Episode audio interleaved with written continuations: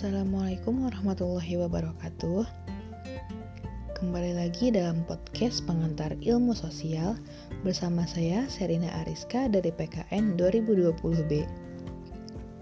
Pada kesempatan kali ini, saya akan menyampaikan sedikit ilmu mengenai disiplin sejarah dan hubungannya dengan ilmu lainnya.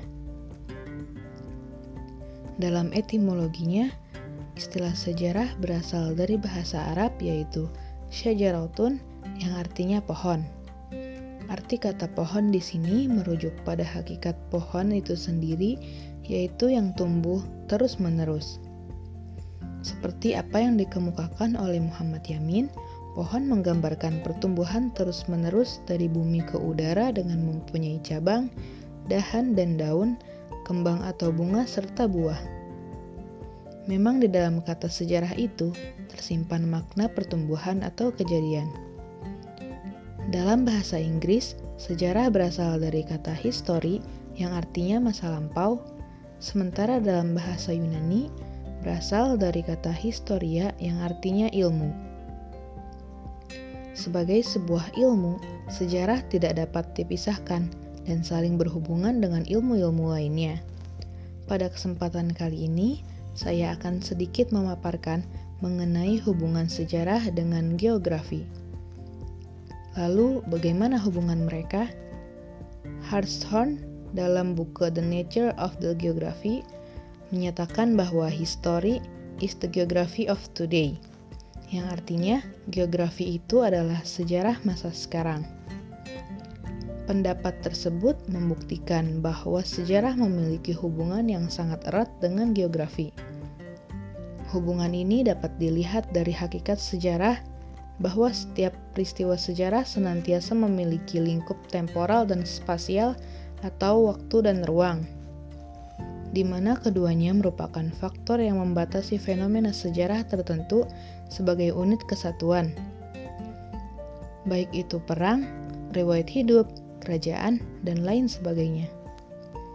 Mengenai kedekatan ilmu geografi dan sejarah, Herodotus mengatakan bahwa sejarah dan geografi sudah demikian terkait, ibarat terkaitnya pelaku, waktu, dan ruang secara terpadu.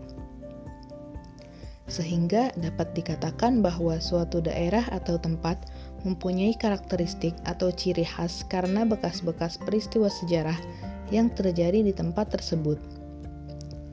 Geografi juga dapat dipakai dalam membantu penelitian sejarah dengan cara berusaha untuk menelaah kondisi geografis dari wilayah yang bersangkutan pada masa lampau. Geografi berkaitan dengan latar geografis tempat sejarah terjadi. Dimensi ruang ini membantu menjelaskan kejadian sejarah, terutama yang berhubungan dengan lokasi, kondisi, struktur, dan bentuk tanah. Sebagai contoh, masyarakat zaman dahulu membangun peradabannya di tepi sungai dengan alasan sungai merupakan sumber kehidupan dan sumber mencari makanan. Dan selain itu, sungai pada zaman dahulu juga dimanfaatkan sebagai sarana transportasi yang memudahkan orang untuk berpindah dari satu tempat ke tempat lainnya.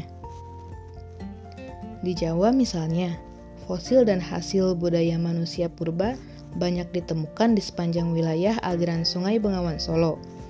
Peradaban Mesir kuno ditemukan di wilayah sepanjang Sungai Nil dan sisa-sisa hasil kebudayaan Mesopotamia tersebar di sekitar aliran Sungai Eufrat dan Tigris.